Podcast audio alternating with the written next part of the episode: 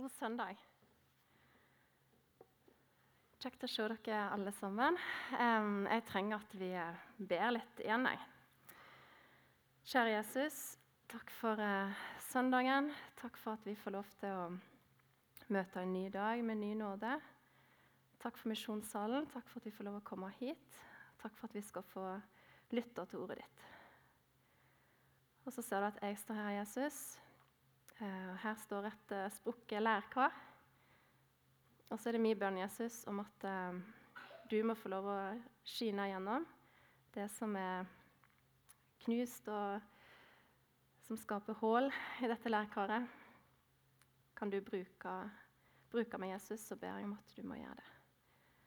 Jeg ber for deg som sitter og hører på, jeg ber om at du må være nær hos deg, og at de må få kjenne at du vil dem noe, Jesus. Takk for at ditt ord er levende, og at det har kraft, og at det kan virke sjøl gjennom knuste lærer. Amen.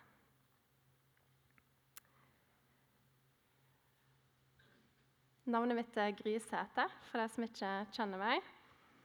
Jeg kom inn ti på elleve, unnskyld Jon Ove, med, med powerpoint på, um, på en minnepenn. Vi er alltid litt for seint ute, vi, i familien Sæther. Men nå er jeg her, eh, og så eh, håper jeg at eh, Gud kan bruke av det som, som, jeg har sett på. Vi har tre unger, og det er ikke deres feil at vi kommer for seint, men det er summen av det hele. Han som ser Jeg har fått en veldig fin tekst. Den skal vi se på i lag. Helt først skal jeg begynne med et lite dikt jeg er veldig glad i dikt. Jeg bruker ofte å dele noen sånne små tekster. Se deg for. Du kan tråkke på noen som ligger nede i travelheten din. Se deg for. Du kan tråkke på noen som ligger nede i travelheten din.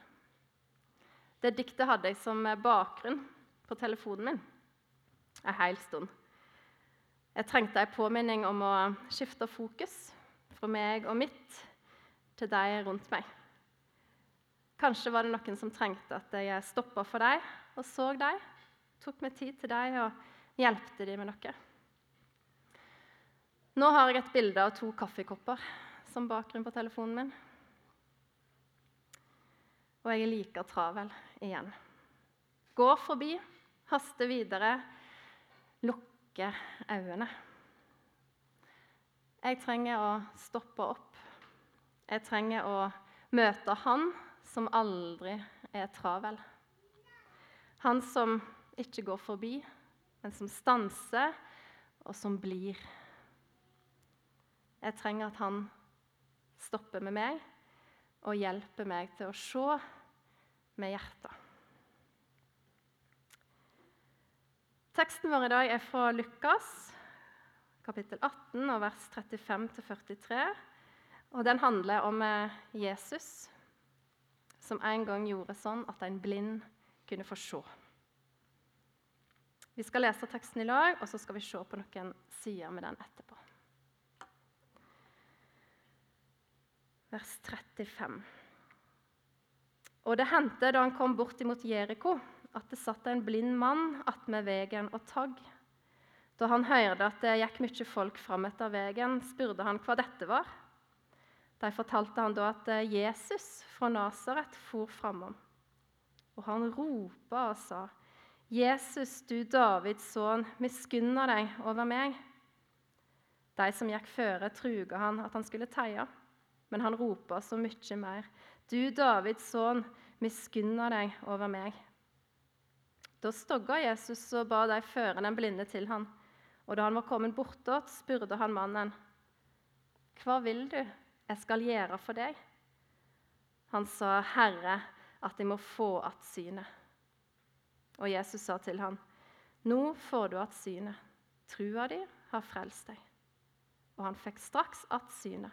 Han fulgte han og lova Gud, og hele folkemengda som så det, lova Gud. Rett før eh, teksten vår begynner, i vers 31, så sier Jesus til disiplene sine.: Se, vi drar opp til Jerusalem. Dette er tredje gangen Jesus eh, drar opp til Jerusalem sammen med disiplene sine, og han forteller dem hva som vil skje med ham. Men eh, de forstår ikke hva han prøver å fortelle dem. Hvem skal bli spotta og mishandla og spytta på? Hvem skal bli piska og til slutt slått i hjel og så stå opp igjen? Nei, de er som blinde. De forstår ikke. Jesus er altså på vei til Jerusalem for å fullføre oppdraget sitt, eller kanskje for å begynne på det han var kommet for å gjøre.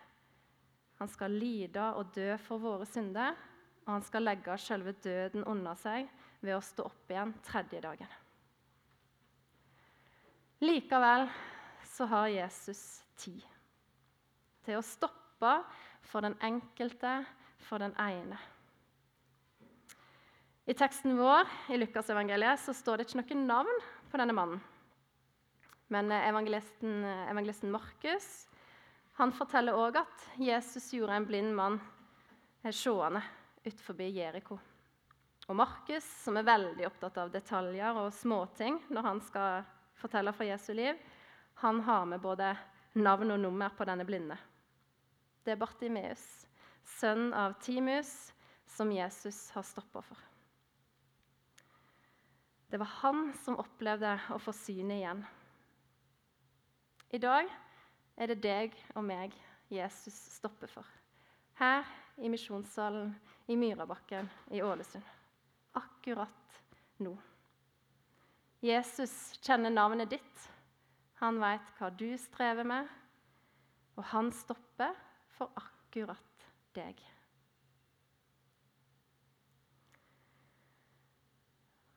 Det første vi skal se litt på, det er det her eh, litt underlige spørsmålet som Jesus stiller til den blinde Bartimeus. Hva vil du at jeg skal gjøre for deg? Er ikke det innlysende? Og i alle fall for Jesus, han som er Gud, og som vet alt og ser alt. Som blind og dermed funksjonsnedsatt på Jesus' i tid så var Bartimeus dømt til å sitte i veikanten og tigge. Han var nok veldig fattig, og det var sikkert vanskelig å skjule. Den mannen som disiplene og, og de som var der, tok mellom seg og ledde fram til Jesus, han må ha flakka med et blikk som var vanskelig å feste på noe. Han var kanskje kledd i skitne filler som knapt hang på kroppen. Han må ha vært tynn og mager etter å ha levd på, fra hånd til munn over lang tid. Jesus kunne jo ikke unngå å se hva som måtte være hans største ønske og bønn her i livet. La meg få syn igjen, så jeg kan se. La meg få syn igjen, så jeg kan få meg et arbeid og gjøre nytte for meg. La meg få synet igjen, så jeg kan kle meg og med verdighet.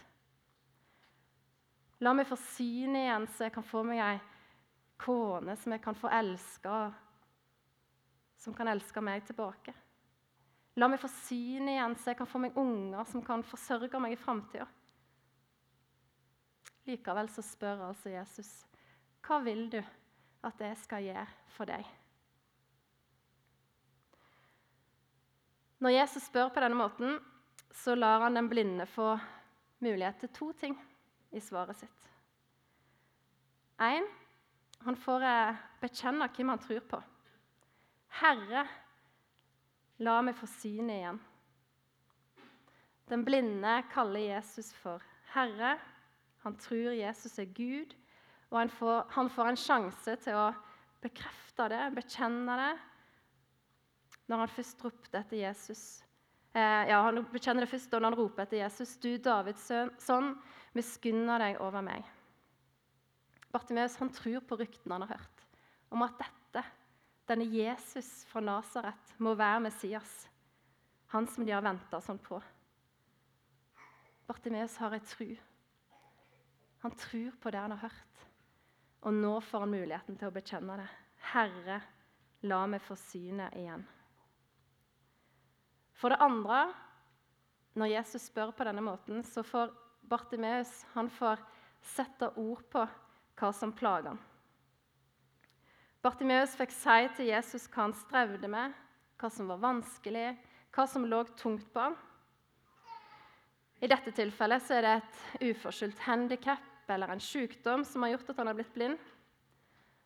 Men det kan òg være synd som ligger tungt på oss, som vi bærer på, som vi drar med oss, og som vi trenger å få bekjenne. Det kan være andre ting. Det kan være at vi stadig kommer til kort. Det kan være ensomhet, frykt, angst. Dette som vi bærer på. Hva det enn er, så får vi som Bartimeus lov til å komme til Jesus med det. Nevne det for han og legge det fra oss se han. Fordi han spør etter det. Hva vil du 'Jeg skal gjøre for deg', sier Jesus. Jesus trenger ikke disse ordene våre. Han må ikke ha dem for å handle, for å gjøre noe. Men han vet at det er godt for oss å få sette ord på hvordan vi har det. Og han vet at det er nødvendig for oss å få bekjenne våre synder. Dersom vi bekjenner våre synder, er Han trufast og rettferdig og tilgir oss all synd. Jesus er den store pedagogen, mitt store forbilde.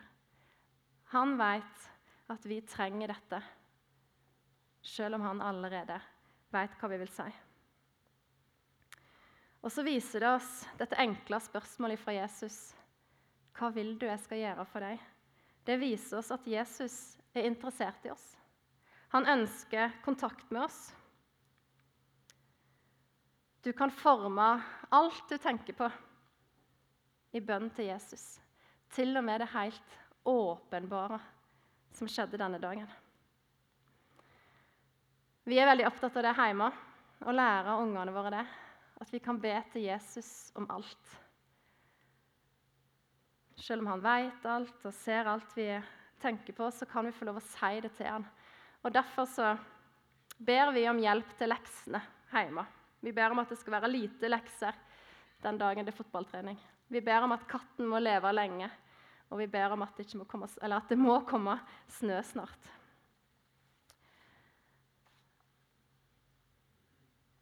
Vi kan komme til Jesus med alt. Og Som mor så vil jeg jo at ungene mine skal fortelle meg alt. Jeg er livredd for at de skal gå og bære på noe eller vikle seg inn i noe som de ikke tør å komme til meg med. Og så skal jeg ikke få lov til å hjelpe dem. Jeg er livredd for at de skal skjule noe og ikke våge å fortelle det til meg. Og hvor mye mer ønsker ikke da Jesus, vår bror og frelser, at vi skal komme til Han med alt det som vi bærer på, og legge det fram for Han.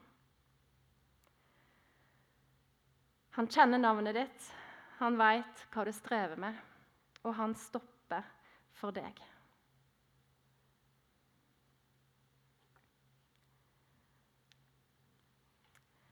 Det var dette diktet.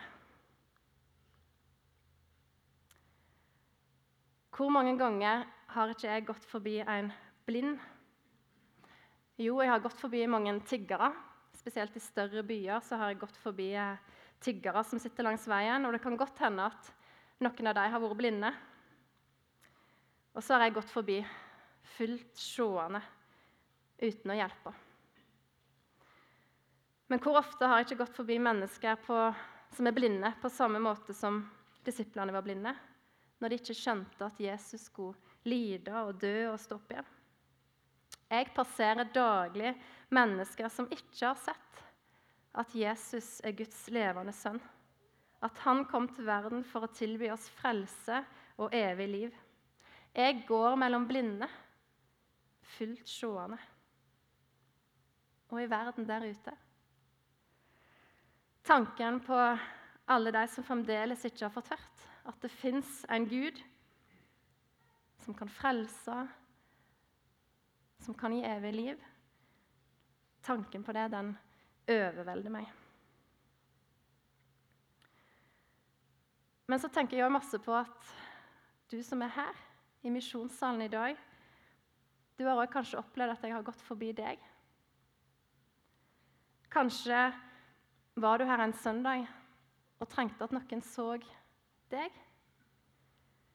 Kanskje håpte du at noen skulle stoppe med akkurat deg etter at møtet var slutt. Kanskje du til og med håpte at jeg, at Gry, skulle være den som snakket litt med deg i dag, før du gikk hjem. Men så gikk jeg bare forbi. Vet du, Det trenger jeg å be om tilgivelse for. Unnskyld for at jeg ikke så deg. Kan du tilgi meg? For jeg vet at jeg sårer dere. Dere som går rundt meg, mine nærmeste, mine søsken i menigheten min. Jeg sårer dere med min travelhet og min egoisme. Med meg og mitt. Jeg trenger masse nåde. Jesus utfordrer meg i denne teksten. For hva gjorde han? Vi må til teksten vår og se. I vers 39b og til 41 så står det Du Davids sønn, miskunna deg over meg, leste vi. Jesus stansa og ba de leie den blinde til han. Og da han kom nærere, spurte Jesus han, Hva vil du jeg skal gjøre for deg? Jesus stanser, og han spør. Jesus tok seg tid til å stoppe. Han la sitt eget til side. Han ga seg tid til å spørre og til å lytte, og så gav han av det han hadde.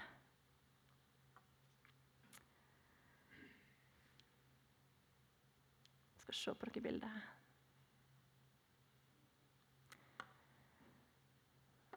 Der står han. Han har stoppa, og han ser, og han gir. Han gav av det han hadde. I dette tilfellet så helbreder Jesus en blind mann. Han gir han synet tilbake. Ja, det kan vi òg noen ganger få oppleve. At vi ber for noen, og så blir de friske. For Gud, han gjør fremdeles under i dag. Jeg trenger å få bruke tid i lag med Jesus for å lære av ham. Jeg trenger å bruke tid i lag med Jesus, sånn at det som ligger han på hjertet, kan bli liggende på mitt hjerte. Sånn at jeg får nød for å dele tida mi med andre. Og ja, jeg trenger masse nåde. Og så har jeg så lyst til å si til deg at selv om jeg går forbi deg Det kommer jeg til å gjøre igjen, for jeg er bare et menneske. Så går Gud aldri forbi deg. Jesus går aldri forbi deg. Han stopper alltid ved den ene, og du er hans ene.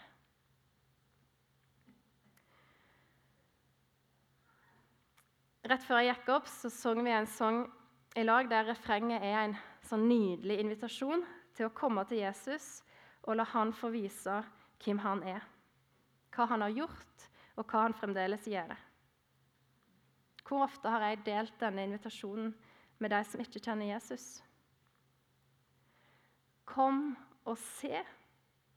Se hva vår Gud har gjort. Se hva vår Herre gjør. Se, han er levende. Han har lett etter deg dag og natt. Aldri sluttet å tenke på deg. Så kom hjem Kom og se. Kom og se. Se, han er levende. Selv om jeg er kristen og har vært det lenge og opplevd at Jesus virkelig har vist meg hvem han er, så kjenner jeg at det gjør så godt å synge denne sangen. Jeg trenger å høre at Gud har lett etter meg dag og natt. At han aldri har slutta å tenke på meg. Jeg trenger å bli minnet på at Gud lever i dag. At han fremdeles gjør store under. Og når jeg har det sånn, så tror jeg at du òg kan kjenne på det samme. Derfor så må vi innom det som jeg opplever som det helt elementære i denne teksten.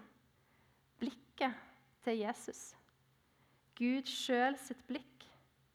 Gud er en Gud som ser.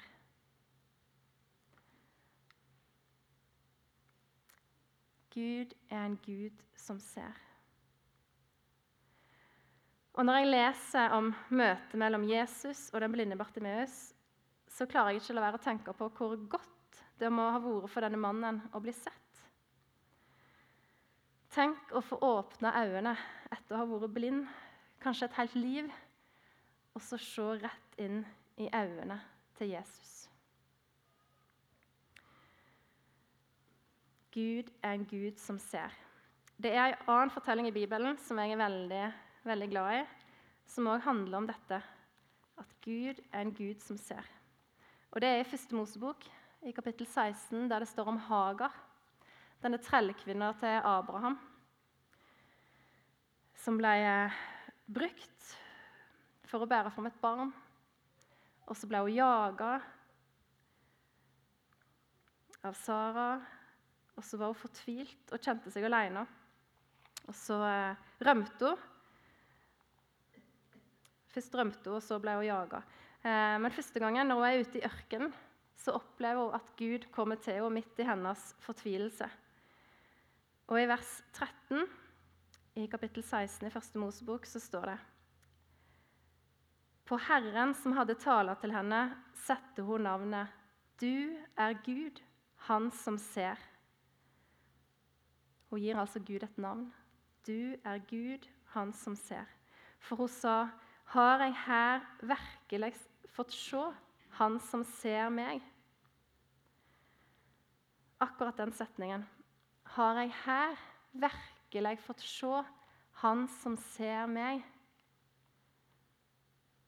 Det er min bønn for misjonssalen. At misjonssalen må være en sånn plass der du får oppleve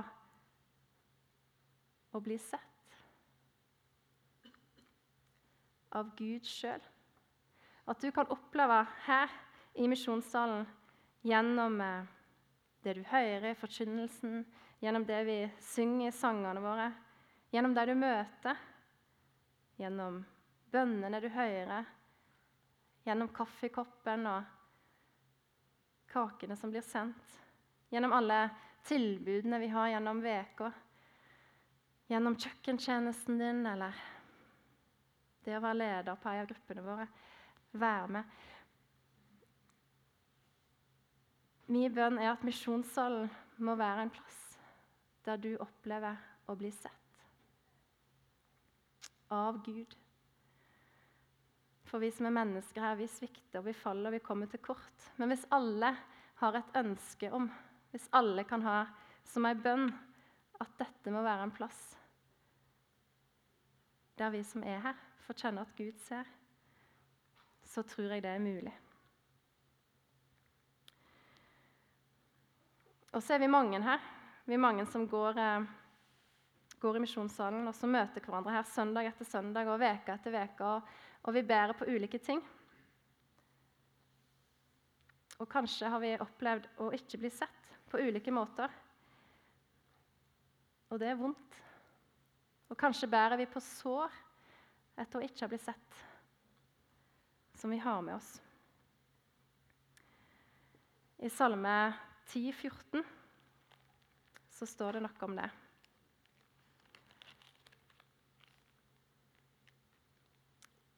Salme 10, 14. Du har sett det, for du ser ulykke og plage, og du tek det i di hand.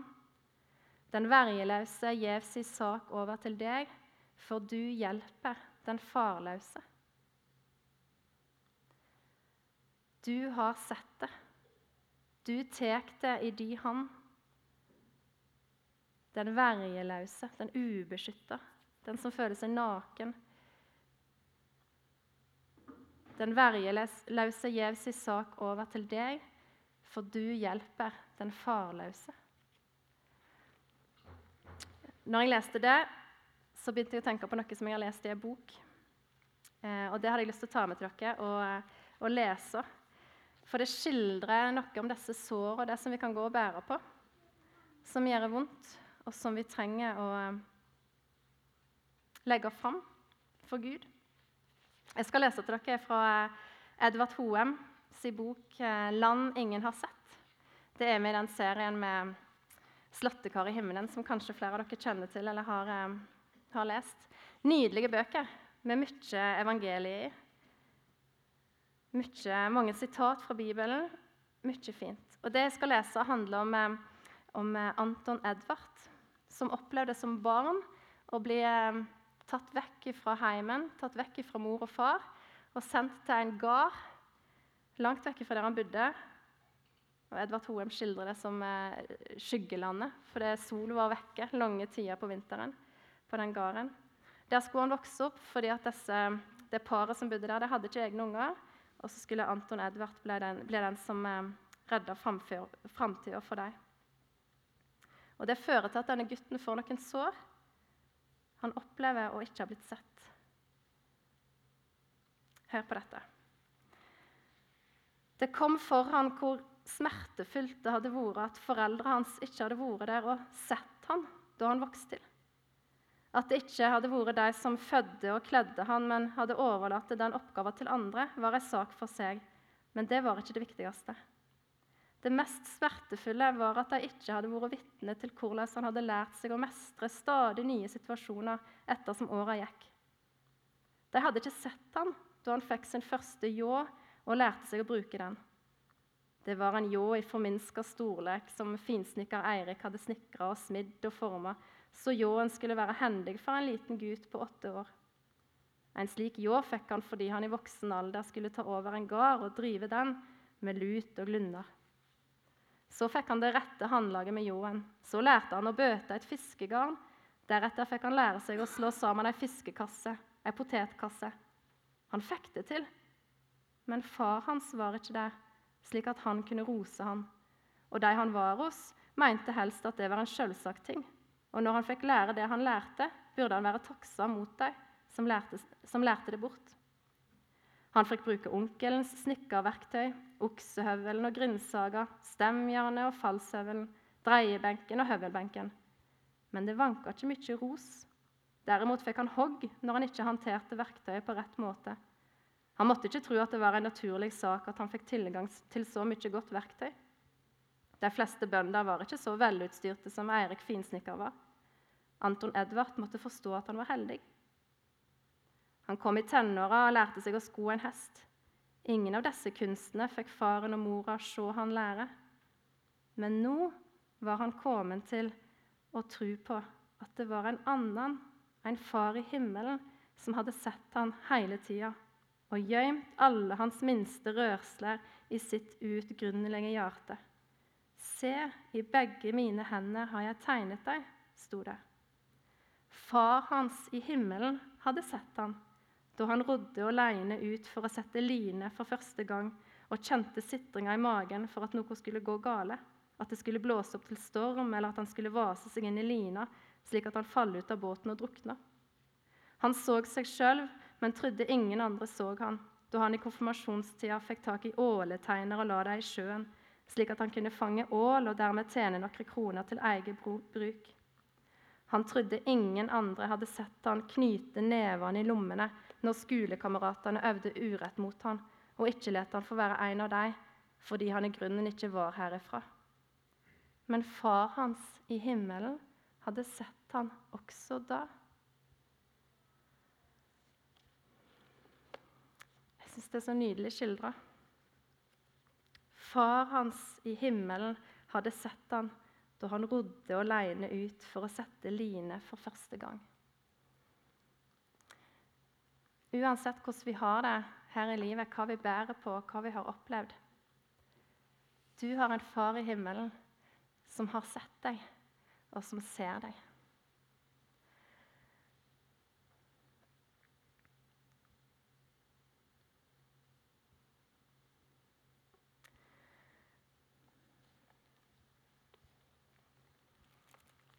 Jeg må ha med jobb 35, 14. Et vers som jeg tror mange av dere kanskje kan utenat. Og det er et godt vers å ta fram. Jamvel, når du sier at du ikke ser Han, så ser Han din sak, og du må vente på Han. Jamvel når du sier du ikke ser Han. Det gjorde ikke guttungen. Anton Edvard han så ikke. Men så kom der ei tru, og da gikk det opp for han at han var blitt sett hele tida. Du må vente på han. Hva vil du jeg skal gjøre for deg? spør Jesus. At jeg må få se. For min del, som jeg har vært litt inne på, så handler det om å få se deg rundt meg. At Jesus kan minne meg på å stoppe opp, ta meg tid, legge fra mitt eget. Være mer til stede, både med mine egne hjemme og, og her i lag med dere, mine søsken. Som minner meg på å løfte blikket ut. Alle de som ennå ikke har fått sett, som er blinde i hjertene sine. Og så minner han meg på det å se Han. Trua di har frelst deg. Du skal se, sa han til Eveline. Trua di har frelst deg. Jesus minner meg på å få se hva han har gjort for meg. At jeg er frelst og fri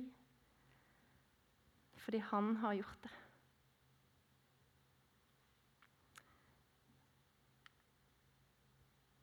Denne blinde som fikk oppleve at Jesus la hendene sine på ham. så kan du få komme med din blindhet. Det som du opplever akkurat nå som tungt og vanskelig i livet ditt. Jesus er interessert i det. Han vil ha det. Og han vil gjøre deg seende.